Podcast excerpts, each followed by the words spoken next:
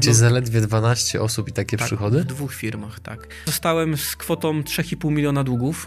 Mm, zrobiłem podstawowy błąd, który, który niestety robi wielu ludzi, że wpadłem w spiralę. Zaciągałem kredyt, żeby spłacić kredyt. Znaleźliśmy metodę na to, jak samochody, e, produkować samochody zużyte. W sposób... Produkować samochody zużyte. Tak, tak, tak. Dla mnie najważniejszy jest rozwój. Mhm. Pieniądze są środkiem, a nie celem. Ja nie mam absolutnie problemu z tym, że handlowiec będzie zarabiał 10 razy więcej niż ja. Jeżeli chcesz być na bieżąco z naszymi materiałami, zasubskrybuj kanał i kliknij dzwoneczek. Partnerami kanału są Just Join IT oraz RocketJobs.pl, portale pracy przyszłości. Mercaton Asi, inwestycje z pozytywnym wpływem. SoFinanse, eksperci w dziedzinie finansów. IBCCS Tax, spółki zagraniczne, ochrona majątku, podatki międzynarodowe. Linki do partnerów znajdziecie w opisie filmu. Dzień dobry drodzy widzowie, Adrian Gorzycki, Przygody Przedsiębiorców. Witam Was w kolejnym odcinku naszego programu, gdzie tym razem naszym gościem jest Marek Kapelańczyk. Dzień dobry. Dzień dobry Adrianie, dzień dobry wszystkim. Tytułem wstępu zacznijmy od tego, żebyś w skrócie powiedział, y, czym się zajmujesz, ale naprawdę w dużym skrócie, bo chciałbym, żebyśmy jak najszybciej przeszli do tego, że po pierwsze udało ci się zbudować niezwykle dochodową firmę, która rośnie w szalonym tempie, jakby było jej podawane sterydy, hormon wzrostu, testosteron, tego typu atrakcje, oraz też na pewno będziemy rozmawiali o tym, że e, zaliczyłeś po drodze bankructwo. Oj tak, było, trochę, trochę to była sinusoida, e, ale, ale do, do, tego dojdziemy. Tak, tak, najpierw e, biznes. E, tak, Co robisz? E, w skrócie handluje samochodami. Jest to branża, branża automotive rozrzucona tak naprawdę na dwie firmy. Jedną firmę finansującą, a drugą e, sprzedającą, sprzedającą samochody, które, e, jak my to mówimy w firmie, są zużywane. Mhm. Ale do tego przyjdziemy, że będziemy rozmawiać jakby o całości, całości biznesu, bo to jest temat, mhm. temat e, dość ciekawy, dlatego że znaleźliśmy metodę na to, jak samochody, e, produkować samochody zużyte. W sposób, produkować samochody zużyte. Tak, tak, tak, bo e, nie jesteś w branży i pewnie część, część widzów czy słuchaczy też nie jest, więc e, tak w telegraficznym skrócie powiem o tym, że e, samochodów, samochody nowe muszą być e, sprzedawane. Mówimy tutaj o ilościach hurtowych i zaopatrzeniu flot E, w konkretny sposób, których, które wymaga, których wymagają dealerzy, importerzy. Nie można po prostu sobie tak od tak pójść, powiedzieć dzień dobry, poproszę 100 samochodów i dealer powie hip hip hura. Do tego jest zbudowana e, budowana cała historia. E, wszyscy muszą wiedzieć, e, którzy biorą udział w transakcji, gdzie ten samochód ostatecznie trafia, co się z nim dzieje. E, chodzi o kwestię związaną z eksportami, z eksportami samochodów a przygotowa przygotowaliśmy taki biznes, który pozwala nam na to, żeby, żeby wszystko mówić, e, przepraszam, robić tak totalnie, totalnie zgodnie z prawem i przepisami, czyli lega artis. Dobra, generalnie to powiem w ten sposób, bo już trochę rozmawialiśmy przed kamerą i mamy podobny vibe, więc będę bardzo bezpośredni. Jeżeli drodzy widzowie, niektórzy z was to razi, to nie przepraszam, bo taki mam styl.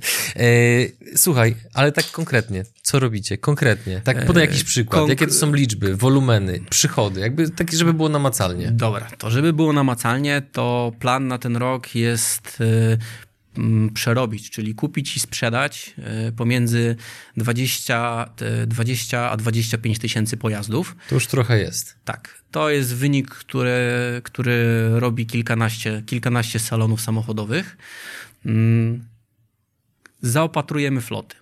Czyli podpisujemy jako jedna spółka, jako spółka e, Deal Share Group, zwana powszechnie Dealer Group, e, jesteśmy, e, zaopatrujemy floty, czyli jesteśmy jakby działami zewnętrznymi, działem zewnętrznym floty, który zajmuje się od jakby pozyskania samochodu.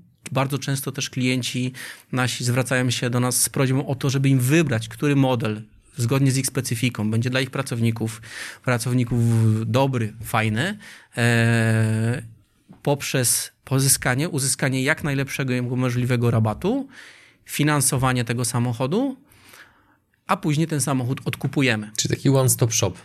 Tak, ale w kontekście takim, że samochody wymieniamy klientom co 6 bądź co 12 miesięcy. Ma to wiele fajnych aspektów dla firmy, jak i samego pracownika. No, jesteśmy facetami, tak? Większość Mhm. facetów, jak wsiada do nowego samochodu i bez względu na to, czy to jest samochód służbowy, czy niesłużbowy, czy sobie kupili, to zawsze jest takie fajne uczucie, jak się wsiada Jest. do czegoś nowego. Więc my tym pracownikom dajemy taką firmom możliwość co pół roku, co sześć, najczęściej co sześć, z wyjątkami co 12 miesięcy, danie takiej możliwości. Ma to aspekt taki, że po pierwsze pracownik jest bardziej zadowolony, e, pracodawca jest zadowolony, bo zdejmujemy z niego całą jakby e, otoczkę związaną z, z tym problemem, e, a mamy tak zbudowane te mechanizmy, że jedna spółka, dealer group, pozyskuje samochody, organizuje całość finansowania, e, odkupuje później te samochody, bądź od klienta, bądź e, z salonu, ale tutaj nie będę zanudzał całym mechanizmem, bo, bo jest on dość skomplikowany. A druga nasza spółka, Drive Lease, e, finansuje te samochody. E, Nie finansujemy się tylko i wyłącznie w jednej spółce, współpracujemy też w kooperacji z największymi, z największymi e, e, spółkami, spółkami leasingowymi. Mhm. To tak w telegraficznym skrócie, ale Jakich przychodów się spodziewacie w tym roku? e, w jednej spółce e, już na ten moment, e, a mamy, mamy połowę lutego, zrobiliśmy wynik zeszłoroczny. W półtora miesiąca. W półtora miesiąca zrobiliśmy, zrobiliśmy prawie 16 milionów. Myślę, że tak bezpiecznie zakładając, zrobimy na poziomie e, 150-200 milionów obrotu w tym roku na jednej spółce. W druga spółka pozyskała finansowanie na poziomie 50 milionów euro e, jako pierwsza runda, druga runda jako 200 milionów euro. E, To nie wiem, czy powinienem o tym mówić, bo to jeszcze nie do końca zapięte jest, ale już jakby prowadzimy dość zaawansowane rozmowy. E, Skoro o tym mówisz, to chyba musisz być dość pewien tego, że to wejdzie. Myślę, że tak, myślę, że tak, że to, to jest kwestia tylko chwili. Krótko mówiąc, najpierw wydamy jedną część, dostaniemy, dostaniemy drugą część Mhm. e, i to wszystko idzie w, właśnie w modelu e, finansowania, finansowania samochodów dla firm, e, które są vendorami. Czym jest vendor? Vendor to jest taka firma, która skupia kilka, kilka usług, głównie benefitowych dla pracowników. E, między, innymi mamy taką firmę, współpracujemy z taką firmą e, e, Advanced Business Consulting London Group, która chwali się, że ma ponad 300 tysięcy rekordów. Rekordy to są tacy pracownicy współpracujący z korporacjami. Więc jest dość bardzo duża, ba- bardzo duża baza tych klientów. Dlaczego to jest fajne? Fajne to jest z tego względu, że dany pra- pracownik danej firmy ma możliwość korzystania z tych benefitów, a dana firma, korporacja głównie, te benefity mu yy, ułatwiają poprzez firmę tą właśnie vendorową i dopłacają do tych benefitów.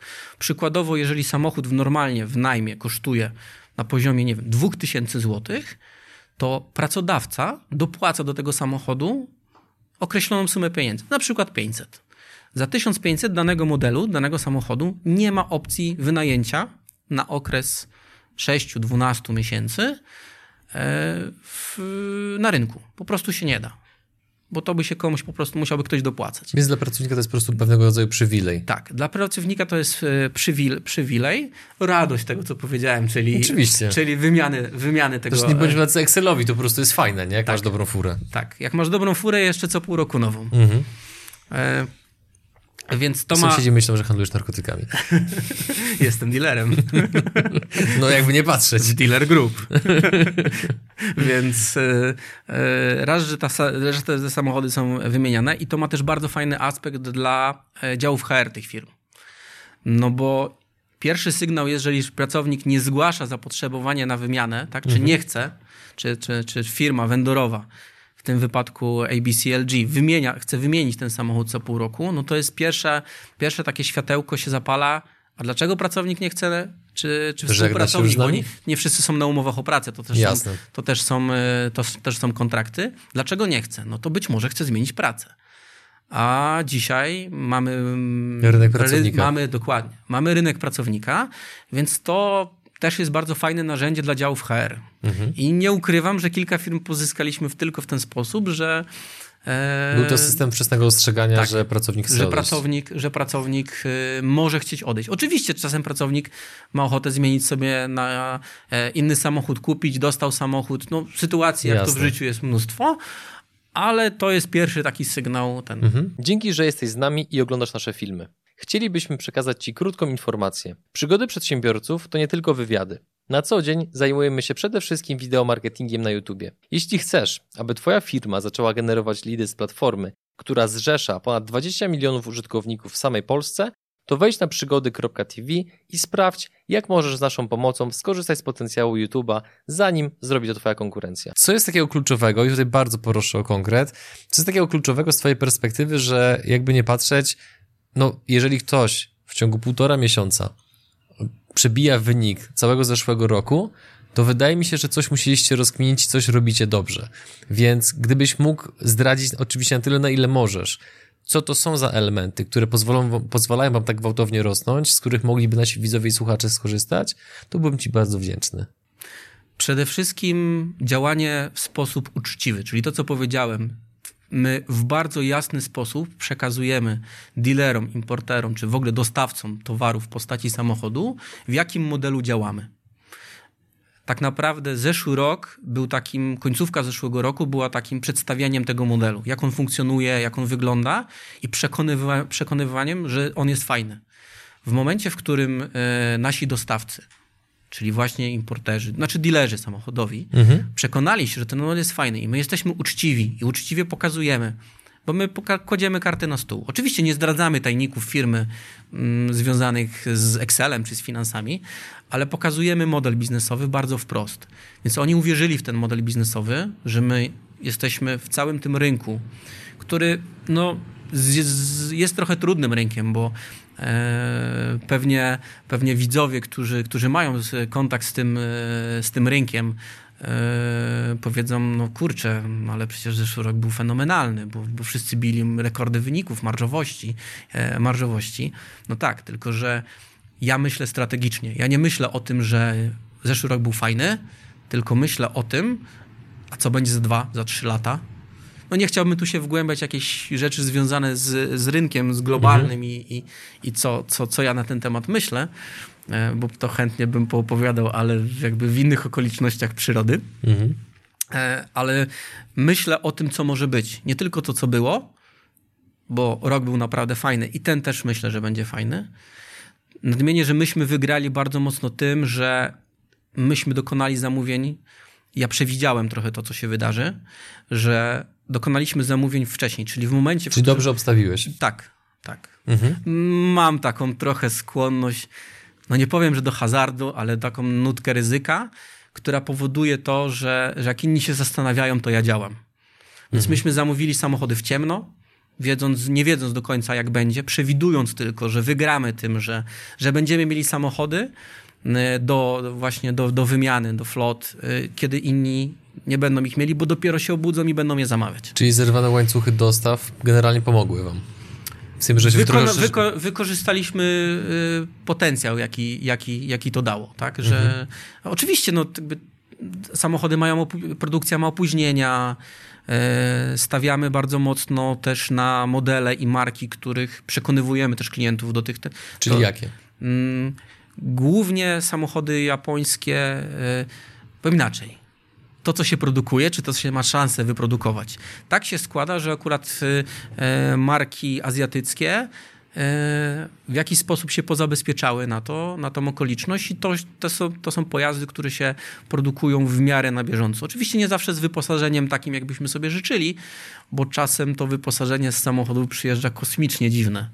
Mhm. Przykład? Na, na, przykład y, jakiś czas temu jeden z dealerów miał problem y, marki BMW, bo przyjechały samochody y, w bardzo podstawowej wersji silnikowej, bez tak zwanego empaka z laserami, czyli ze światłami takimi, które trzeba dopłacić. Bo po prostu tak zamontowali, bo tak mieli w fabryce. No i samochód z ultra drogimi światłami, których normalnie nikt nie dokłada do, tak zwanej wersji bieda samochodu. Podstawowej. Się, do podstawowej, tak. No tak się, trochę przepraszam, ale slangiem, slangiem, slangiem branżowym się potrafię, potrafię poruszać, co niekoniecznie dla wszystkich może być e, e, zrozumiałe, e, ale tak się mówi na wersje takie proste, mówi się trochę wersja, wersja, mhm. wersja bieda. No i przyjechały takie samochody, no i był problem, bo nikt ich nie chciał. E, no to dealer zadzwonił i słuchajcie, no jest taki taki problem, mam, przyjechały takie auta w takiej specyfikacji, czy weźmiecie? No wzięliśmy, przekalkulowali, przekalkulowaliśmy, przekalkulowaliśmy to, namówiliśmy klienta na to, żeby te samochody wziął, e, ale to też jest jakby myślenie strategiczne, czyli zamawianie i konsultacja z klientem, co on, e, no bo te samochody za pół roku do nas wrócą do sprzedaży. I ten model funkcjonuje w ten sposób, że jako spółka Dealer Group e, my nie kasujemy klienta w ogóle za nasze usługi. W ogóle. Jesteśmy mhm no darmowi, można tak powiedzieć. To gdzie jest wasza marża? Marża jest w momencie, w którym ten samochód wraca do nas. Czy poprzez klienta, mhm. czy poprzez, czy poprzez dealera.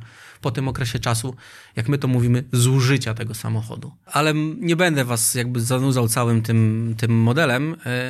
Wracając do Twojego pytania, jakby dlaczego, dlaczego rośniemy.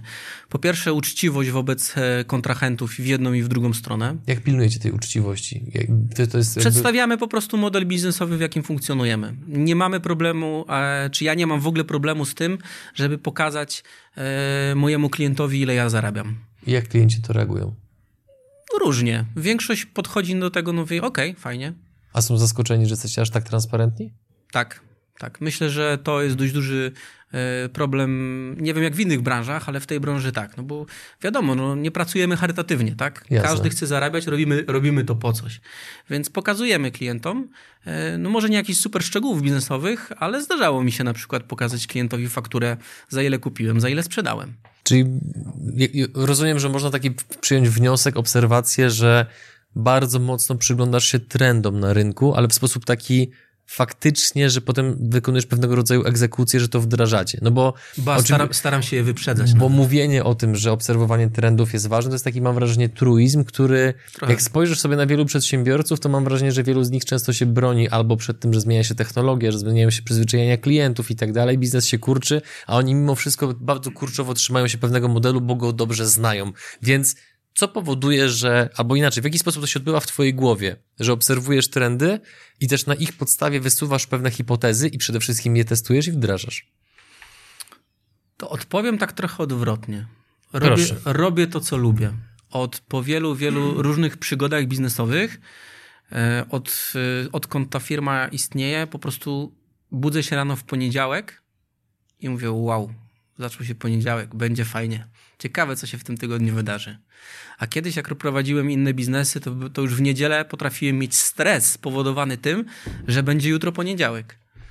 To, to taki trochę mhm. truizm, ale no, ktoś kiedyś powiedział, że e, rób to, co kochasz, a nie będziesz ani jednego dnia w pracy. Albo nigdy z niej nie wyjdziesz. Albo z nigdy nie, nie wyjdziesz. Trochę tak jest, bo trochę jestem pracocholikiem.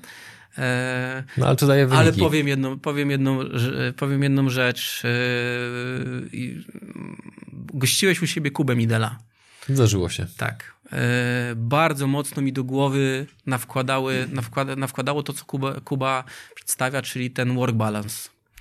Ja mhm. słuchając Kuby, nie tylko u ciebie, ale na, na, czy, czy u, niego na, u niego na kanale, e, zacząłem bardzo poważnie myśl, myśleć, myśleć o tym, e, czy ja ten work balance zachowuję. I doszedłem do wniosku nie też bardzo dużo, duży, duży problem miałem z tym. Myślę, że wielu przedsiębiorców rosnących w skali ma, ma ten sam problem, bo rozmawiam z kolegami, czy współpracownikami, czy, czy, czy, czy, czy z kontrahentami. Zawsze myślałem o tym, że jeżeli ja coś zrobię, to jest zrobione dobrze.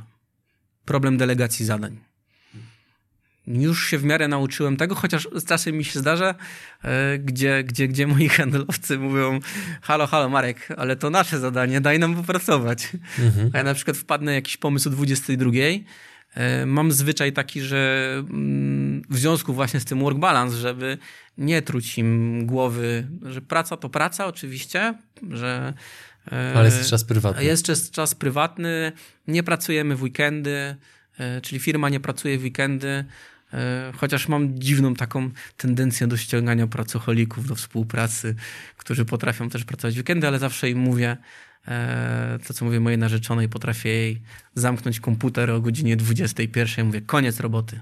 Mhm. Koniec, po prostu kończymy, trzeba też odpoczywać, nie żyjemy tylko pracą, e, nawet chyba, nawet po to, żeby sobie odpalić, e, odpalić serial. Jak wypracowaliście model, który podoba się dostawcom? Jak do, to wypracowaliście? No bo to generalnie często jest tak, że przedsiębiorca ma pewne założenia, coś mu się wydaje, potem to zderza z rynkiem, no i niewiele zostaje z pierwotnej koncepcji. Więc jak wy, odpowiedz proszę w skrócie, jak wy opracowaliście model współpracy, który dla dostawców jest atrakcyjny i w związku z tym rośniecie w takim tempie? Mamy w zespole odpowiednich ludzi na odpowiednim miejscu z odpowiednim doświadczeniem, tak w telegraficznym skrócie.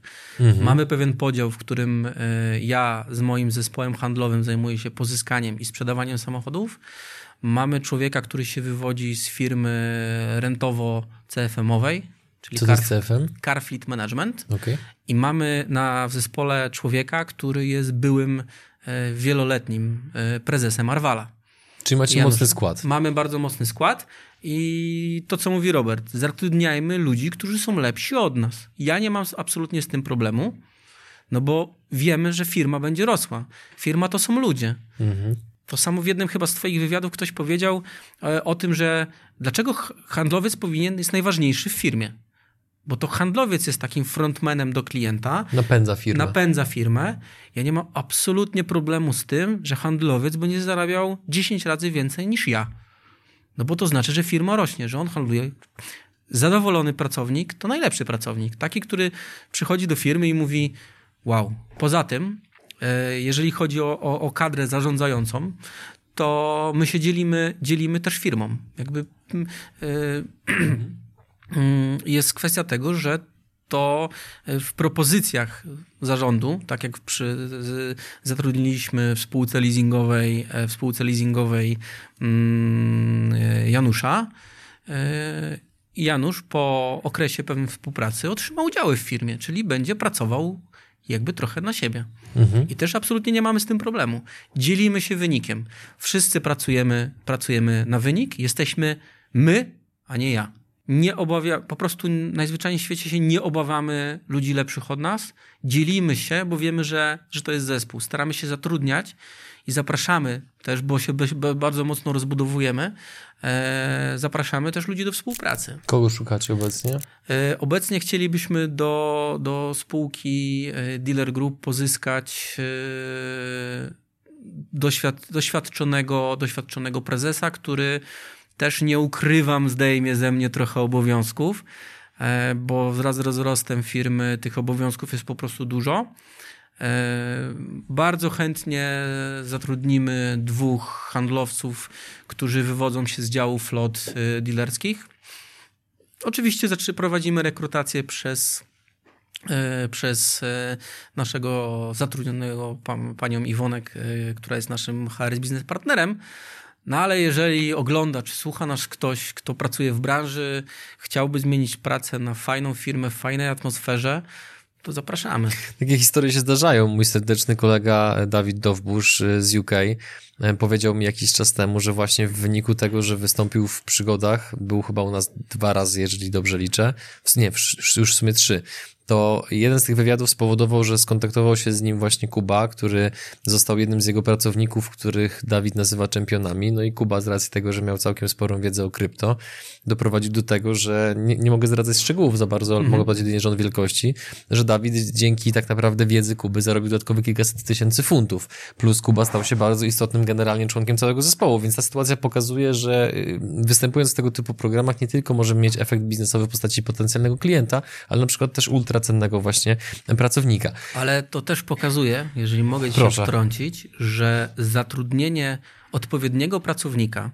czy współpracownika spowoduje to, że firma będzie rosła, że to nie, tak. że pracownik nie jest tylko takim przekładaczem towaru z punktu A do punktu B, tylko ja sobie bardzo cenię ludzi, z którymi współpracuję, którzy wykazują, wykazują własną inwencję twórczą. Ja to tak mówię. Że nie tylko yy, wykonują zlecone im zadania, ale tu znowu wracam do punktu my, że my budujemy tą firmę i chcemy bardzo y, wiązać się z ludźmi mhm. na, na, na dłuższy okres czasu. Y, firmy są w miarę, w miarę młode, ale tak naprawdę na ten moment to myśmy nigdy jeszcze nikogo nie zwolnili. Nie A ile macie pracowników na pokładzie? W tej chwili współpraców, pracowników i współpracowników yy, 12 osób, jeżeli dobrze, jeżeli na szybko policzyłem. Macie zaledwie 12 osób i takie tak, przychody? w dwóch firmach, tak. Yy, Adrianie, to też jest tak, że no my nie handlujemy długopisami, nie? Mhm. Sprzedać długopisów za 200 milionów złotych, no to pewnie byłoby ultra wyzwanie. No Samochodów to też jest skala. Samochód kosztuje powiedzmy od 80, 200, 300 tysięcy. Znaczy nie, ale to żebyś też wiedział, tutaj ja swoje, swoim zdziwieniem raczej wyrażam e, szacunek i pozytywne zaskoczenie, że tak niewielkim zespołem jesteście w stanie sprzedawać tysiące samochodów. Dlatego bardzo, bardzo chcemy zatrudniać kolejnych, e, kolejnych ludzi, bo najzwyczajniej w świecie, e, jak ja to lubię mówić, mamy klęskę urodzaju. Poza tym też wracając trochę do tego, yy, dlaczego firma się rozwija. Rozwój firmy jest dla nas celem, a pieniądze są dodatkiem. Przynajmniej ja to tak traktuję. Ze spółki leasingowej ja nie pobieram żadnych benefitów. Żadnych. Dla mnie rozwój firmy, oczywiście gdzieś w głowie mamy, że być może będziemy chcieli ją sprzedać. Najważniejszy w tej chwili jest rozwój. Ja poświęcam czas na rozwój. Oczywiście z mhm. drugiej firmy dostaję wynagrodzenie, mam benefity w postaci samochodu i tak dalej, ale dla mnie najważniejszy jest rozwój. Mhm. Pieniądze są środkiem, a nie celem.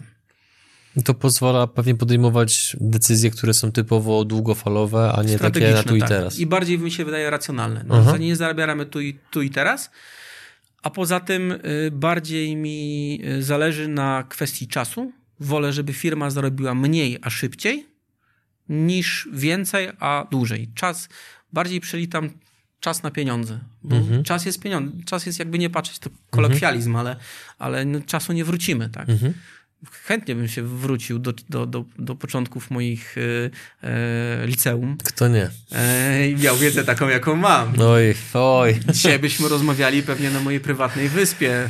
E, tak, a obok byłby zaparkowany mój jacht. No tak, tak pewnie by było. Tak, tak pewnie e, tak. Ale kto wie, może się jeszcze uda, bo jeszcze mamy trochę czasu. E, słuchaj, czego ci nauczyło twoje bankructwo? Jak w ogóle do niego doszło? W jakim wieku byłeś?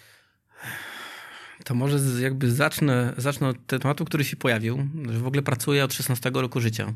Zaczynałem, zaczynałem od sprzątania biur. Zaczynałem od sprzątania biura e, mojego wujka. Wujek był zadowolony, kogoś, kogoś polecił. Ja też zacząłem, zrobiłem własnoręcznie ulotki, zacząłem je roznosić. Mhm. tak naprawdę był taki moment, w którym ja kilka razy w tygodniu sprzątałem biura. E, pracowałem w wakacje, w wakacje pracowałem na budowie. E, przenosiłem cegły, wszystko, co jest z tym związane, taki przynieść, podaj, pozamiataj. E, więc to też była ciężka, no nie ukrywajmy, to jest ciężka praca, taka fizyczna. Mhm. Mm, I to się tak stosunkowo rozwijało. Później już będę tak skracał, zacząłem pracować e, w korporacjach bankowych. To się zaczęło ewaluować. Założyłem własną działalność gospodarczą, w której zajmowałem się pomocą w pozyskiwaniu firmom finansów. E, współpracowałem z bankami, e, z instytucjami finansowymi, no i nastąpił 2009 rok. No i przestało być ciekawie. Trzęsienie ziemi. Trzęsienie ziemi dla mnie bardzo duże, e, bo weszły restrykcje, bardzo wiele moich tematów w trakcie, projektów w trakcie, w trakcie realizacji zostało albo cofniętych, albo wycofanych. Trudny okres, trudny okres. Wtedy zbankrutowałeś właśnie? Tak, wtedy się zaczęła, zac zaczęła, się, e, zaczęła się droga do bankructwa. Bo nie ukrywam, że miałem wtedy taki trochę e, syndrom Boga. Młody, gniewny, przebojowy. Z hajsem. Z hajsem. Róbmy, będzie fajnie. Też trochę zostałem oszukany przez jedną firmę. Nie wypłaciła mi wtedy, wtedy bardzo dużych pieniędzy. Ile? 800 tysięcy złotych. Wtedy to był ogrom, ogrom. Znaczy, umówmy się, to nie jest mało pieniędzy. Dzisiaj to mhm. też, też jest dużo pieniędzy. Dzisiaj by mnie to nie powaliło. Wtedy mnie zaorało. Na dwa lata wystarczyło mi oszczędno, y, jakieś tam oszczędności, próby ratowania. Aż w końcu zacząłem się zastanawiać, zostałem z kwotą 3,5 miliona długów.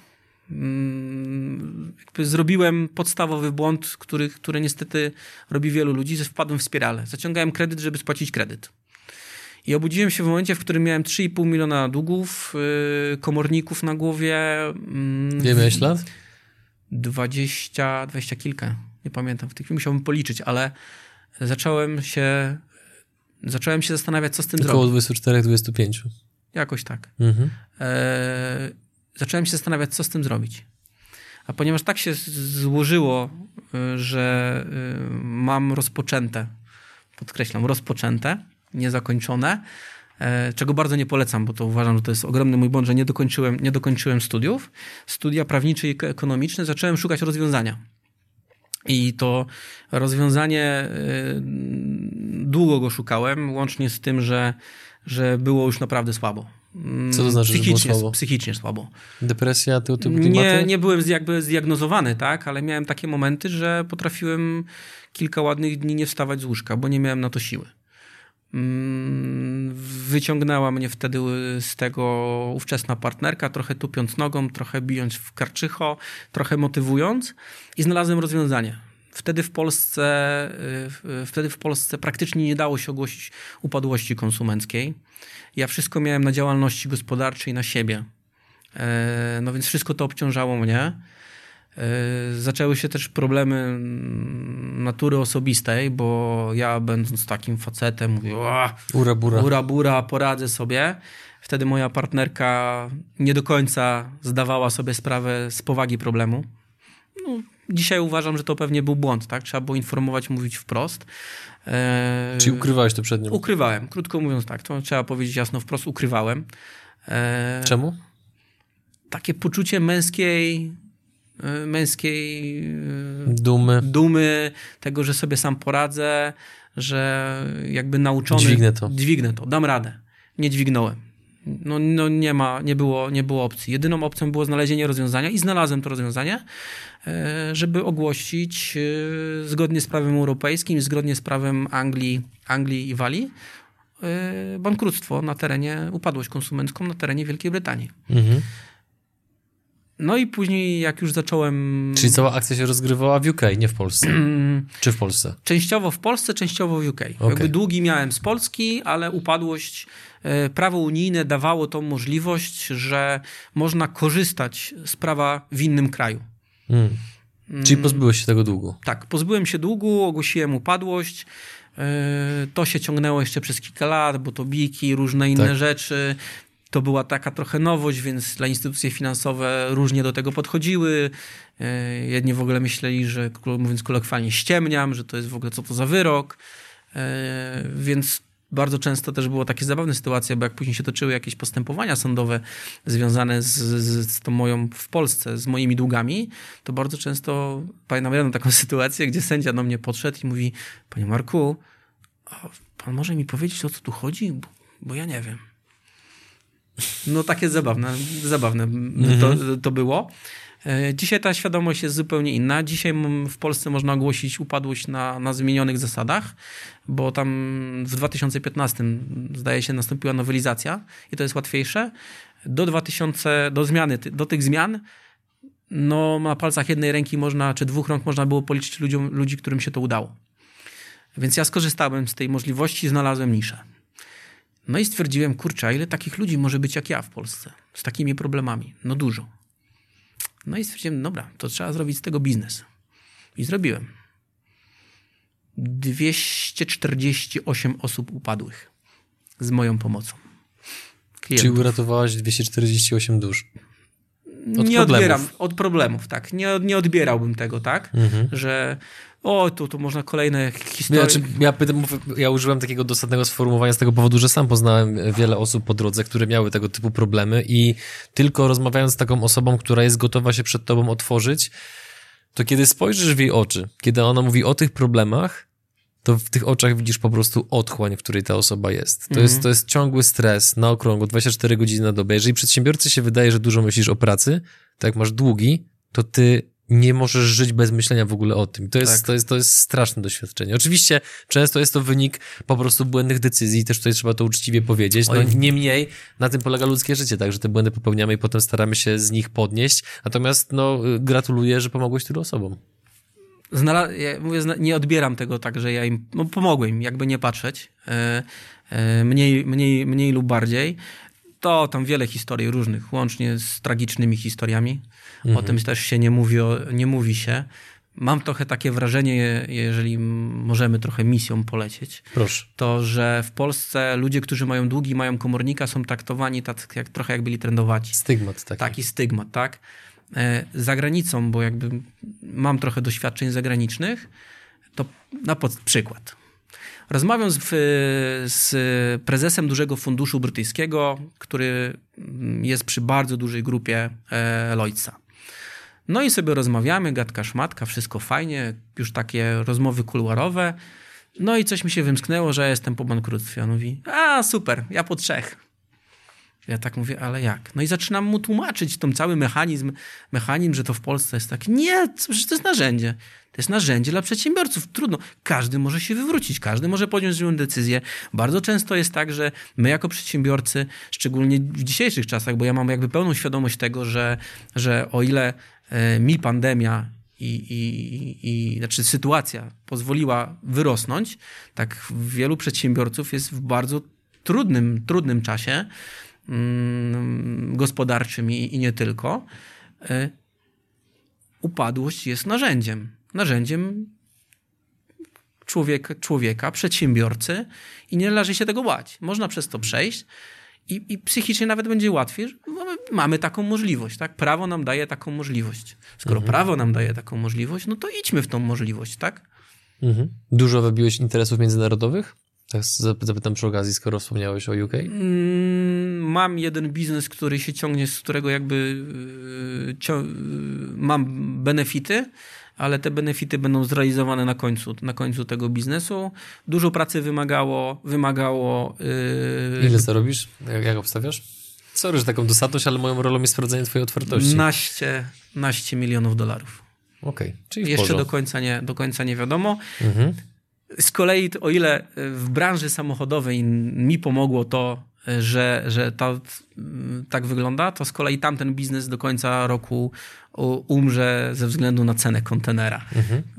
Y, Ale to, że ten biznes umrze, nie ma wpływu na to, że zarobisz te kilkanaście milionów dolarów? Nie, one są już jakby zarobione, zrealizowane.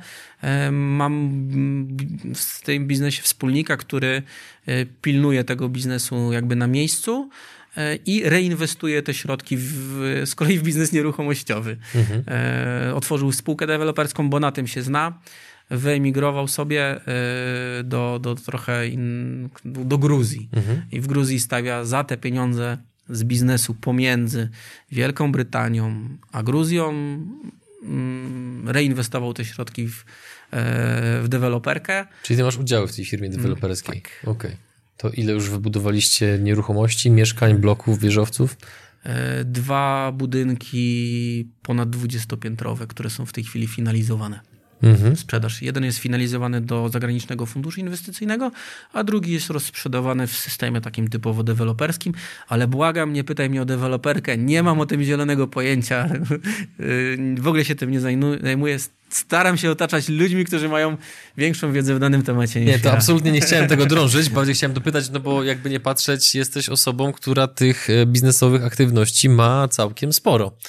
Więc tutaj jest właśnie moje kolejne pytanie, aczkolwiek już częściowo na nie odpowiedziałeś, czyli właśnie, że kwestia otaczania się odpowiednimi ludźmi, ale jak godzisz w swojej głowie tyle przedsięwzięć biznesowych? Z obszarów jednak bardzo różnych. Trzeba by moją głowę zapytać.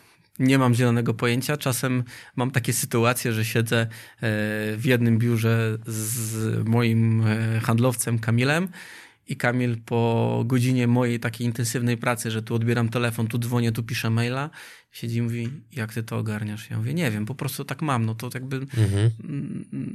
natura, czy, czy dzięki rodzicom chyba mhm. mam takie, takie możliwości, że mój umysł jest w stanie to ogarniać. Oczywiście zapominam. Zapominam o wielu rzeczach. U mnie jest tak, to wszystkim mówię, błagam, poproszę maila. Jak mam na mailu, to mam. Jak mam wpisane w kalendarz, to mam. No bo to też jestem tylko człowiekiem, tak? Więc jakby no, tak. zapominam. Mhm. E, nawet jadąc do ciebie, do ciebie tutaj do studia, e, dzwonił, e, dzwonił jakiś tam dostawca samochodów używanych, bo my też skupujemy tak, kontra, mhm. po kontraktówki. I ja mówię, panie Robercie, bardzo proszę na maila, bo jak mi pan powie przez telefon, to ja w ciągu 10 minut naszej rozmowy mam już 7 połączeń odebranych. Mhm. A o 14 zaczynam nagranie. I mówię, błagam na maila. Wtedy sobie siadam. Mam też tą pracę taką w miarę usystematyzowaną, tak, że mhm. staram się I to większość ludzi, którzy ze mną współpracuje, wie, że do godziny 9-10 mi się nie przeszkadza. To jest Rano. dla mnie tak. Mam w ogóle taki rytuał dnia, że wstaję, sobie, wstaję, odpalam ekspres do kawy, mam takie pół godziny dla siebie na pozbieranie myśli. I to jest takie fajne, takie, takie moje. I to jest taki mój czas w, w, ciągu dnia, gdzie ja mogę sobie poukładać, siąść przy mailu, na spokojnie i wtedy ludzie do mnie nie dzwonią. To jest w ogóle jedna z technik podnoszących bardzo produktywność, że jeżeli jesteś w stanie w ciągu dnia ogarnąć sobie chociaż jego nawet drobny fragment, nad którym masz absolutną kontrolę, to to poczucie kontroli właśnie sprawia, że poprawia ci się bardzo mocno mental, że czujesz się dobrze że, że ze sobą, że nawet jeżeli dookoła jest sztorm, to wiesz, że rano odpalisz ekspres do kawy i znowu zrobisz cały ten rytuał. A propos sztormu, to przypomniała mi się taka historia, jak to jeden z moich współpracowników mówi: Marek, ty to jesteś dziwny. Ja mówię, no czemu jestem dziwny? Bo jak tam niedaleko uderzy meteoryt, to ty najpierw bierzesz łopatę, idziesz gasić ten pożar, a później wydłubujesz z tego meteorytu co najcenniejsze. Komplement. Komplement, tak, ale w takim jakby to, co już rozmawialiśmy przed nagraniem. Ja się nie przejmuję rzeczami, na które nie mam wpływu. Mhm. Mm, Jak to wypracowałeś? bankructwo, różne sytuacje życiowe, osobiste e, spowodowały to, że zbudowałem sobie taką, taki mur, Mhm. że najpierw się niech się porozbija ten mur, a później ja sobie za tego wy- wyjdę i ogarnę to, co jest do ogarnięcia. Zdrowo. Staram się, bo jakby uważam, że uważam, że jakby kwestia samego długu, bankructwa tak bardzo mocno wpływa. To był dla mnie najstre... To był, wracając trochę do tego, Mroczne dla- czasy. Mroczne czasy, zdecydowanie mroczne. Yy, Bardzo nie polecam. To do, o tym się też chyba głośno nie mówi, jak bardzo mają ludzie problem, problemy e, psychiczne związane z tym. Jak to bardzo obciąża, już powiedziałeś, także to Gdybyś mógł powiedzieć ze swojej perspektywy, jak ktoś wpada w spiralę zadłużenia, to jedna rzecz, którą absolutnie powinien zrobić i jedna, której absolutnie nie powinien zrobić, pomimo, że już powiedziałeś, że absolutnie nie finansować kredytem spłaty, spłaty innego kredytu. mm, rozmawiać. Rozmawiać ze swoimi wierzycielami. Bo łatwiej jest dojść do porozumienia z wierzycielem na etapie, w którym wiemy, że mamy problem finansowy, czy możemy go mieć, e, niż na etapie takim, że schowaliśmy głowę w piasek e, i już e, dobija się nam na przykład komornik do, do mieszkania. E, Albo bank e, zasuwa codziennie po 20 razy z różnych numerów telefonu, kiedy spłacisz. Lepiej zacząć rozmawiać, jak już wiemy, że ten problem może wystąpić. Mhm. Okej, a czego nie robić? To, to roz, roz- rozumiem, nie unikać kontaktu z wierzycielami. Tak, znaczy nie, nie unikać. y, y, A rodzina powinna wiedzieć, czy nie? Ze swojego punktu widzenia mogę powiedzieć, że tak. Bo rodzina, rodzina czy nasi najbliżsi są bardzo często dla nas wsparciem takim, że e, też są jakby innymi ludźmi, z innymi doświadczeniami, więc bardzo często mogą nam po prostu coś pod, podpowiedzieć. Myślę, z mojego punktu widzenia, jak tego pamiętam, ja nie myślałem wtedy racjonalnie. Tam było bardzo dużo błędnych, błędnych decyzji. Mhm. takich, że albo schowałem głowę w piasek i udaję, że mnie nie ma. To nie rozwiąże problemu. Absolutnie nie. Problemy są ta, po to, żeby, no może nie po to, ale są i trzeba je rozwiązać, tak? Im szybciej zaczniemy ten problem rozwiązywać, tym będzie łatwiej go rozwiązać. Mhm. Nie no, w momencie jak się odkłada problem do szafy, no to potem on narasta i narasta i się dokładają kolejne elementy. Wypadnie, Tak. Prędzej czy później problem wypadnie z szafy. Plus my zaczynamy być coraz mniej zorientowani w pewnych szczegółach, które ten, które ten problem spowodowały. Potem trzeba do tego wracać. To jest jeszcze większy wydatek energetyczny, więc ja się absolutnie Kula śniegowa. zgadzam. Dokładnie tak. Natomiast y, powiedz mi jeszcze y, dosłownie w dwóch zdaniach, zanim przejdziemy do e, kolejnego projektu, który odpalasz, no bo przecież za mało się u ciebie dzieje, nie? E, jak się pozyskuje 50 milionów euro z rynku z e, szansą na to, że, że za chwilę pozyskacie kolejne 200, co już da wam prawdopodobnie e, wartość spółki na poziomie powyżej miliarda złotych? To był bardzo duży, y, bardzo duży wysiłek, e, zarówno mój, e, jak i Roberta. Krótko mówiąc, byliśmy takimi trochę akwizytorami, chodząc od drzwi do drzwi. Spółka została kupiona 3 lata temu. Realnie rzecz biorąc, temat. Ta spółka Drive and... Drive Lease, tak, Drive tak, tak, spółka aha. leasingowa. Ona ma fajną historię, bo ona istnieje od 1991 roku, czyli jest jedną z pierwszych spółek leasingowych. Tam jest w ogóle historia taka fajna spółki, o której ja bardzo lubię mówić, że spółka przez pewien moment yy, nazywała się yy, Leaseplan. Mhm. To taki, taka firma, która istnieje i to było prawa do nazwy Leaseplan. Holendrzy odkupili od spółki Evatex, która spółka Evatex przerodziła się w spółkę Drive Lease. Mhm. Spółka istnieje, istnieje bardzo długo, więc ma fajną, fajną historię i to też po- spowodowało to, że było nam łatwiej, e, łatwiej e, pozyskać finansowanie, że nie jesteśmy Ale 50 milionów euro? Przecież taką kasę to pozyskują, wiesz, technologiczne startupy, które mają szansę być e, unicornami. Więc jakby czym wy przekonaliście... e, modelem biznesowym. Okej. Modelem biznesowym, zabezpieczeniami e, związanymi z umową. E, tam jest e, e, szereg, szereg zabezpieczeń do każdego kontraktu finansowanego przez, przez e, fundusz, z którym współpracujemy. To nie jest tak, że oni nam przelali 50 milionów euro, macie, bawcie się. Odrzutowca. Wyspa na Pacyfiku, Ferrari. odrzutowce i ten. Nie. Tam do każdego, do, każdego, do każdego finansowania floty jest bardzo duży szereg dokumentacji z zabezpieczeniem, z zabezpieczeniem e, na tych pojazdach, z zabezpieczeniem umowy, umowy pomiędzy mm, nami a dealerem. To jest dość skomplikowany biznesowo, jeszcze, zro- to jeszcze zrozumiał. Te 50 milionów euro to jest... E, Limit. to jest tak, ale to jest kwota za udziały w waszej firmie, czy to jest linia po prostu taka powiedzmy kredytowa, którą możecie wykorzystać do waszej działalności? Linia, czy... linia kredytowa, ja się bardzo mocno bronię e, w pozyskaniu finansowania, żeby ktoś e, przejmował udziały, udziały Okej. w firmach. Nie mam problemu z tym, żeby oddawać je zarządom firm, Mhm. e, tylko żeby raz, żebyśmy razem tworzyli biznes, ale jeżeli ktoś mnie finansuje, to nie chciałbym, żeby przejmował mój Czy biznes. to jest bardziej coś na zasadzie powiedzmy kredytu obrotowego, Tak, aniżeli tego, że ktoś wchodzi do spółki i tak dalej. Okej, Tak. dobra, to teraz to mamy wyjaśnione.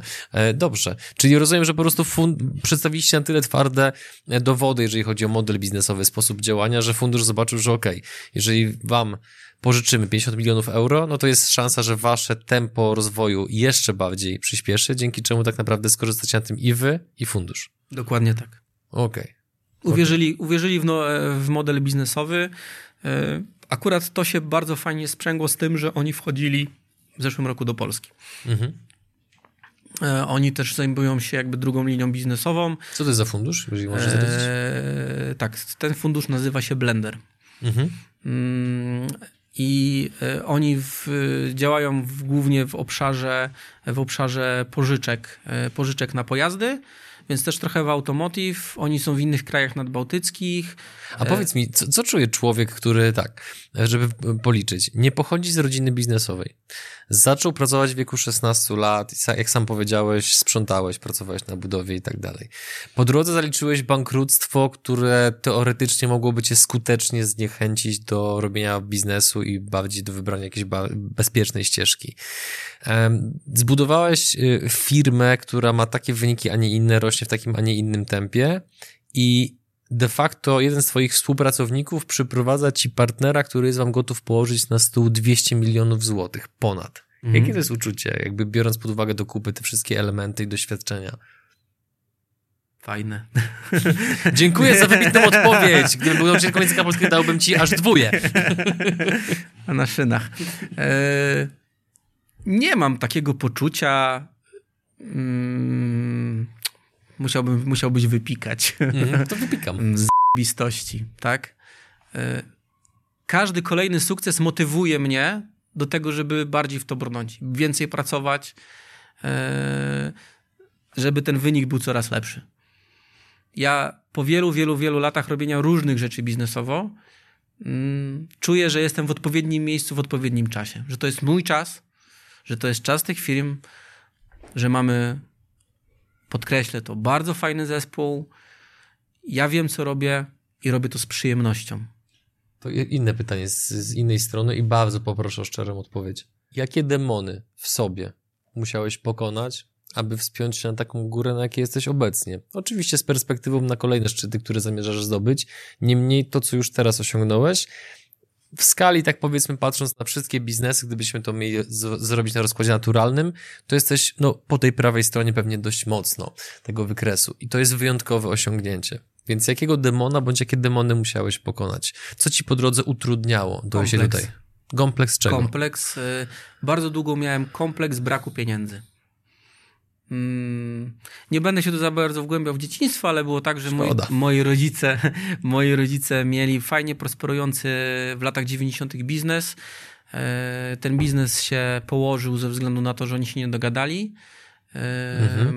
Mój tata zniknął w pewnym momencie mojego życia na dość dłuższy okres czasu, później wrócił. Czyli ty de facto nie doświadczyłeś potencjalnych benefitów, które z biznesu mogły płynąć, stąd mówisz, że nie pochodzisz do końca rodziny biznesowej. ja tego Okej. wtedy nie widziałem. To, że chodziłem w fajnych butach, w fajnych butach, to wtedy... Dzisiaj mam wrażenie, jest odwrotnie, że dzisiaj jak nie chodzisz w fajnych butach, yy, czy nie masz modnych rzeczy, to jesteś niefajny. Wtedy było odwrotnie. Wtedy jak wszyscy w latach 90. chodzili w kreszowych dresach marki Adidas, no to ja miałem buty Adidas. Więc wtedy było, wtedy było troszeczkę inaczej. E, Nawet wręcz był taki moment, że prosiłem rodziców, mówię nie, bo, bo nie. A że Nie chciałeś się wyróżniać. nie chciałem się, wy, nie chciałem się wyróżniać, wtedy uważałem to za, za mm, rzecz niewłaściwą i wtedy wyrósł we mnie taki kompleks po tym całej sytuacji, jak później już nie było wesoło, bo moja mama pracowała na dwa etaty, ja później, żeby mieć pieniądze, to co dzisiaj rozmawialiśmy, musiałem pójść do pracy, żeby mieć pieniądze na, na jakieś własne, własne przyjemności. Odzyskałeś kontakt z tatą, czy nie? Mm, Aktualnie mój tata nie żyje, zmarł w zeszłym roku. Moje kondolencje. Dziękuję. Mm, Ten kontakt nigdy nie był taki dobry. Mój tata był, był, był takim e, człowiekiem natury artysty. Mm. Tak bym, to, tak bym to określił. Człowiek wielu talentów, takich artystycznych również, człowiek wielkiego talentu języka, nauczenia się, bo pojechał, pojechał do Niemiec na trzy miesiące i wrócił praktycznie z, e, z umiejętnością posługiwania się językiem. Miał wiele talentów, uważam, że talent zmarnowany i to też był dla mnie przykład. Taki, że Właśnie to miało być moje kolejne pytanie. Czy uważasz, że jego decyzja, żeby was opuścić, która jakby nie patrzeć no, pod kątem takim no, emocjonalnym, prywatnym, społecznym, jest decyzją, no wiele osób pewnie by to określiło bardzo mocnymi słowami. Czy uważasz, że jego decyzja mocno na ciebie wpłynęła i mocno cię ukształtowała jako przyszłego przedsiębiorcę, który ma teraz takie, a nie inne wyniki? Tak, dążenie do celu. W sensie, że musiałem, zostałem zmuszony do tego, że jeżeli coś chcę, a lubię chcieć i lubię mieć, yy, może nie jestem do końca gadżeciarzem, ale to, co rozmawialiśmy, ja się nie przywiązuję do samochodów. Firma pozwala mi dzięki, dzięki temu, co robię, na dość częstą zmianę. Nie jestem stały w uczuciach, jeżeli chodzi o samochody. Zawsze, zawsze lubiłem motoryzację. E, Przez kilka ładnych lat e, się ścigałem w rajdach, gdzieś tam w wyścigach, amatorsko oczywiście, Mm, ale jakby cała ta sytuacja osobista spowodowała właśnie u mnie kompleks niemania i dążenie do celu po to, żeby mieć, e, potykając się, no bo jakby nie miałem doświadczenia, wiele rzeczy robiłem na czuja, mm, złapałem to, co mówiliśmy, syndrom Boga, że, y, że wydawało mi się, że jestem taki fajny i w ogóle nic tu się nie może nie udać. No jak widać, może się nie udać i może się nie udać bardzo wiele. Kilka lat się z tego wygrzebywałem, bo bankructwo po bankructwem, ale tam też były jakieś prywatne, prywatne tematy, tematy. Y, Część tematów gdzieś tam się, y, gdzieś tam się ciągnęła przez, przez wiele, wiele lat, bo to nie jest takie proste w polskim systemie. Dziękuję. Upadłość i, i, i, i od tego zaczynamy nową kartę. E, Więc wracając do pierwotnego pytania, kompleks, kompleks niemania, co z kolei wzbudziło u mnie taką potrzebę pracowania, budowania jak najwięcej, żeby mieć, żeby posiadać. No i tu ci znowu przerwę, bo to jest generalnie z mojej perspektywy bardzo ciekawa i unikatowa sytuacja, ponieważ pewnie nieraz się spotkałeś z tym, mm, że ludzi, których spotykają ekstremalnie trudne doświadczenia, a jakby nie patrzeć, brak jednego z rodziców jest bardzo trudnym doświadczeniem, no to często jest tak, że... Ja tego tak nie odbieram, ale, Okej. ale jestem w stanie to zrozumieć. Pozwól, że skończę pytanie, to jakby zrozumiesz, co, co, co, co, co mam na myśli. E, Często jest tak, że kiedy spotykają nas trudne doświadczenia, to mm, ludzie mówią, tak jak na przykład ty, w życiu mi się powiodło w pewnym stopniu właśnie dzięki tym doświadczeniom, bo one coś ci dały. Ale też często jest tak, a myślę, że nawet częściej niż ta, ta ścieżka, którą ty podążyłeś, w życiu mi się nie udaje, bo na przykład mój tata był taki, moja mama była taka, czy generalnie pochodzę z takiej rodziny. No i teraz, co ty zrobiłeś, że tą energię, która się wytworzyła w wyniku tej sytuacji, ty ją skanalizowałeś w taki sposób, że ona pozwoliła ci wzrosnąć, zamiast, przepraszam za bardzo dosadne stwierdzenie, które pewnie nie przystoi, mając e, krawat mając tak zacnego gościa w studiu, zamiast stać się patusem w bramie, który do przechodniów, którzy idą obok, mówi na chuj patrzysz. Kolokwializm trochę, ale chęć posiadania. Chęć pokazania też yy, yy, samemu sobie głównie, chociaż na pewnym etapie to też, też, też e, byłej, byłej małżonce, że mogę, że ja dam radę, że dźwignę, e, dźwignę, jakby kwestia jest też tego, że ja przez parę ładnych lat i teraz trochę do tego wróciłem, ćwiczę, ćwiczę sztuki walki. Box, kickboxing, trochę w klatce, teraz wróciłem do MMA. W bramie. Trochę w bramie nie, w bramie nie. W bramie stosuję, w sytuacjach ulicznych stosuję najbardziej yy, skuteczną sztukę walki, która się nazywa uciekaj, uciekaj. Bardzo dobrze, słusznie. E, więc to wszystko spowodowało to, że ja chciałem mieć i nie patrzyłem na to, nie patrzyłem na to, yy, co było, tylko na to, co chcę osiągnąć. To jest też trochę tak, że taką mam filozofię życiową, że nie przejmuję się rzeczami, na które nie mam wpływu. Jakby po co? Nauczyłeś się tego sam z książki? Mama to przekazała? Bo to jest, to jest w ogóle super moc tego typu mental, że, że, że nie przejmujesz się takimi rzeczami, na które nie masz wpływu. Jeżeli mam się przyznać, to strasznie nie lubię czytać książek motywacyjnych, bo zawsze przy której stronie dochodzę do wniosku, że one wszystkie mówią o tym samym. Czyli Brian Tracy i Tony Robbins nie są twoi przyjaciele? Przeczytałem. Przeczytałem. Mam, y, bardzo lubię czytać biografię.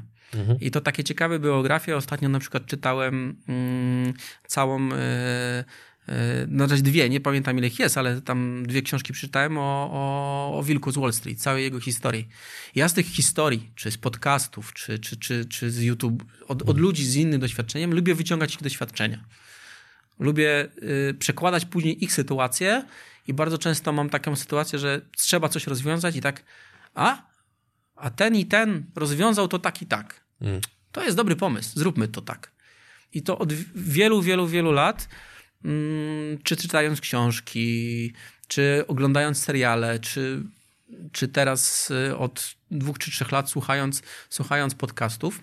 Czyli chłoniesz wiedzę generalnie tak, skąd się da. Tak, jestem takim trochę, jak to mój powiedział profesor, y, profesor na jednych z ten, że trze, y, trzeba być erudytą, czyli interesować wszystkim, i niczym. Jakby ciągnę, ciągnę wiedzę i gdzieś mi ta wiedza, ja to mam takie wyobrażenie, że ta, te, ja mam takie szufladki. I że w odpowiednich sytuacjach ta szufladka się otwiera. Lubię też mieć plan A, B, C. Dlatego mnie bardzo często w życiu nic nie zaskakuje, bo ja na każdą możliwą sytuację życiową mam to ją przemyślaną i biznesową. Czyli jeżeli wydarzy się taka i taka sytuacja, plan A nie działa, to wdrażamy plan B lub C. Mhm. I to tak samoczynnie się, samoczynnie, samoczynnie się otwiera, albo tak chyba trochę to zabrzmi arogancko, ale wydaje mi się, że po prostu jestem najzwyczajniej w świecie twardym gościem. Nie boję się dostać, nie boję się dostać yy, w ryj. W ryj, mówiąc wprost. Nie boję się też dostać biznesowo w ryj. Mhm. Bardzo często mówię, jak są sytuacje kryzysowe, to mówię do, do współpracowników, e, współpracowników czy klientów, no to jest biznes. Nie obrażajmy się na siebie. Możemy dać sobie po mordzie, a na końcu i tak pójdziemy na drinka. Po co? Mhm. Nie, I też staram się nie palić mostów za sobą, mhm. bo nigdy nie wiadomo, kto kogo zna. Tak. Kto, jest... Ktoś z kim się koleguje. Yy, tak. Polska, w ogóle świat. No jest taka chyba teoria nawet, nie? że jeżeli znamy pięć osób, to jesteśmy w stanie przez że... pięć osób, przepraszam, dotrzeć tak. do, do każdego na świecie. I to jest trochę też tak, jak biorę udział w projekcie, o którym już wspomniałeś, o, o, o no, nowym projekcie, który wzbudzał mnie bardzo duże zainteresowanie i bardzo dużo czasu też mu poświęcam. Projekt związany z blockchainem. No właśnie, biorąc pod uwagę to, że rozmawiamy już bardzo długo i musimy powoli kończyć, to proszę powiedz a propos tego projektu, to co z twojej perspektywy jest kluczowe, co na tym etapie widzowie i słuchacze powinni wiedzieć. I wytłumacz nam, biorąc pod uwagę mm, całe brzmienie wywiadu, że raczej jesteś e, zamożnym człowiekiem, e, mówiąc e, dosadnie i żartobliwie, że prawdopodobnie foto, flotą jesteś nabity jak autobus do Lichenia i jeszcze wchodzisz teraz Nie. w krypto. Nie. nie, no, Nie, ja jasne, tak nie- wszystko zależy od punktu odniesienia, rozumiem. Tak. E, tak, w, jestem, jestem trochę inwestorem krypto takim totalnie indywidualnym, e, ale e, wy, wymyśliłem, wymyśliłem, a zrealizowali to już e, osoby, osoby, które się na tym lepiej znają niż ja. e, Tokenizację, tokenizację e, biznesu, firmy, z którą współpracuję, to już dzisiaj wspomnianej firmy Advanced Business Consulting, London Group, e, która zajmuje się właśnie tymi benefitami e, dla, dla, praco, dla pracowników i two, w, ja tam wchodzę jako inwestor. Jaką kasę położyłeś? Nie mogę powiedzieć. Okej. Ja musiałem spróbować. Nie, oczywiście. Kontynuuj. Oczywiście, absolutnie, absolutnie rozumiem, ale tu znowu wrócę do tego, że długo przygotowywaliśmy ten projekt, czy ludzi, których, których, którzy są w tym projekcie e, i długo też wyszukiwaliśmy i pokazywaliśmy advisorom, czyli takim jakby mentorom nad projektami, a mamy w tej chwili bardzo fajnych me- mentorów. Bo Możecie mam- ich sobie sprawdzić na stronie internetowej, link w opisie. tak. E, e, którzy zobaczyli ten biznes i powiedzieli: Wow, fajne, fajne to, wchodzimy w to. Chcecie zrobić realną użyteczność, czy napompować, zrobić hype? Nie, to nie, jest, tak to dalej. nie jest tak, jak się mówi w rynku krypto, skok na kasę. Mhm. To jest dla mnie mentalnie, bo często, często w różnych rozmowach jestem pytany, pytany, no dobra, ale tak przez ludzi, którzy nie mają z, z krypto czy z blockchainem w ogóle, w ogóle ten, no ale właściwie to o co tu chodzi? A dla mnie to jest przełożenie wejścia na giełdę tylko na rynek blockchain i stworzenia bardzo fajnego możliwości, tym bardziej, że w mojej opinii blockchain to jest przyszłość e, przyszłość finansów, przede wszystkim też bezpieczeństwo tych finansów, no bo umówmy się, kryptowaluty są przez ich unikalność są trochę lepiej. Oczywiście zdarzają się różne sytuacje, kradzieży, ale kradzież ze złodziejami jakby nie, nie, nie, nie jesteśmy w stanie walczyć i do końca zabezpieczyć, ale dla mnie blockchain daje, to jest przyszłość i bezpieczeństwo. I my jakby wprowadziliśmy tą firmę, czy wprowadzamy na, na, na, na rynek blockchain, który jest Mhm. przyszłością. Mówię to już któryś raz, przepraszam, ale, Jest ale to kolejny trend, który no, widzisz jest, ty, który tak. wiele innych osób, natomiast no, też nie każdy e, ryzykuje półtora miliona papierów, to żeby sprawdzić, czy ten trend faktycznie firma, się nie, rozwinie. nie, nie, nie, może, żeby być precyzyjnym, to firmy, firmy, firmy nie ja. Bo jakby Zdaję sobie sprawę, ale, Ale zakładam, w- że część tych pieniędzy jest prawdopodobnie twoja, więc no musisz mogłaby być... być... prawdopodobnie moja, gdyby nie została wydana w, na inwestycje. No, no, no więc właśnie, nie? E, dobra, generalnie w, w, w tym odcinku, no teraz nie chcemy omawiać kolejnego modelu biznesowego, kolejnej Oj nie, firmy, bo to by nam, byśmy potrzebowali znacznie, znacznie więcej czasu. Więc y, powiedz proszę na koniec naszym widzom i słuchaczom, na współpracę z kim obecnie jesteś otwarty? Już powiedziałeś, kogo poszukujecie chociażby w branży automotive, ale być może chciałbyś jeszcze powiedzieć, kogo poszukujecie w kontekście właśnie branży y, tej spółki krypto. Na ten moment mamy e, e, bardzo fajny zespół, bardzo fajny zespół advisorów. Rozmawiamy z kolejnymi. Ten projekt jest e, bardzo mocno rozwojowy, bo to jest początek dopiero tego projektu. E, Stworzenia całego ekosystemu, ekosystemu oparte, oparte na, czterech, na czterech zasadach na stronie. Można się zapoznać to, co, to, co powiedziałeś. Wszystkich ludzi otwartych, otwartych z doświadczeniem, którzy chcieli, którzy uważają, że mogliby coś wnieść. I Do tego mówię, projektu. Do tego projektu. I nie mówię tylko tutaj o, o, o, tym projekcie, o tym projekcie krypto, ale również o, o tych dwóch projektach motoryzacyjnych. Jesteśmy, jestem bardzo otwarty na, na, na współpracę, bo przy, uważam przede wszystkim jedną rzecz. Ja nie mam monopolu na wiedzę. Lubię się uczyć, lubię słuchać ludzi, lubię słuchać innych doświadczeń. Między innymi dlatego bardzo lubię słuchać podcastów wszelkiego rodzaju, bo y, bardzo się cieszę też sukcesami ludzi. Mam jakby taką trochę odwróconą mentalność. Jak ktoś mówi, mówi, kurczę, zarobiłem tyle, mówię, super, a jak? pokaż jak, też bym chętnie trochę może jeszcze zarobił. Mhm. Więc y, bardzo, bardzo lubię słuchać o sukcesach, lubię o porażkach, bo z porażek wyciągam sobie, wyciągam sobie co robić, co robić, y, y, żeby było dobrze. Mój tata kiedyś powiedział, że jak coś robisz źle, to rób to dobrze. Amen. Ostatnie pytanie. Gdybyś miał być pizzą, to jaką byś był? Chciałem wszystko zżartować hawajską, ale hawajską nie wszyscy lubią, a jak ktoś e, lubi hawajską, to wręcz jest jej wielbicielem. E, oj, trudne pytanie, chyba nie potrafię tak wprost odpowiedzieć. E, słodko-ostrą, tak tak, to zostawmy. E, Marku, dziękuję Ci za rozmowę. Dziękuję bardzo, Adrianie. E, drodzy widzowie, dziękujemy Wam za Wasz czas. Jeżeli macie jakiekolwiek pytania do Marka, to oczywiście zostawiaj, zostawiajcie je w komentarzach pod tym filmem i dajcie znać również w komentarzach, z jakim miastem się, z jakiego miasta się z nami łączycie. Czy to jest może Polska, czy to jest zagranica. Oczywiście tutaj mówimy o kraju, ale mnie interesuje szczególnie miasto, w którym obecnie przebywacie. Trzymajcie się ciepło, e, dajcie kciuki pod tym filmem, jeżeli Wam się podobał i do zobaczenia w kolejnym odcinku. Cześć.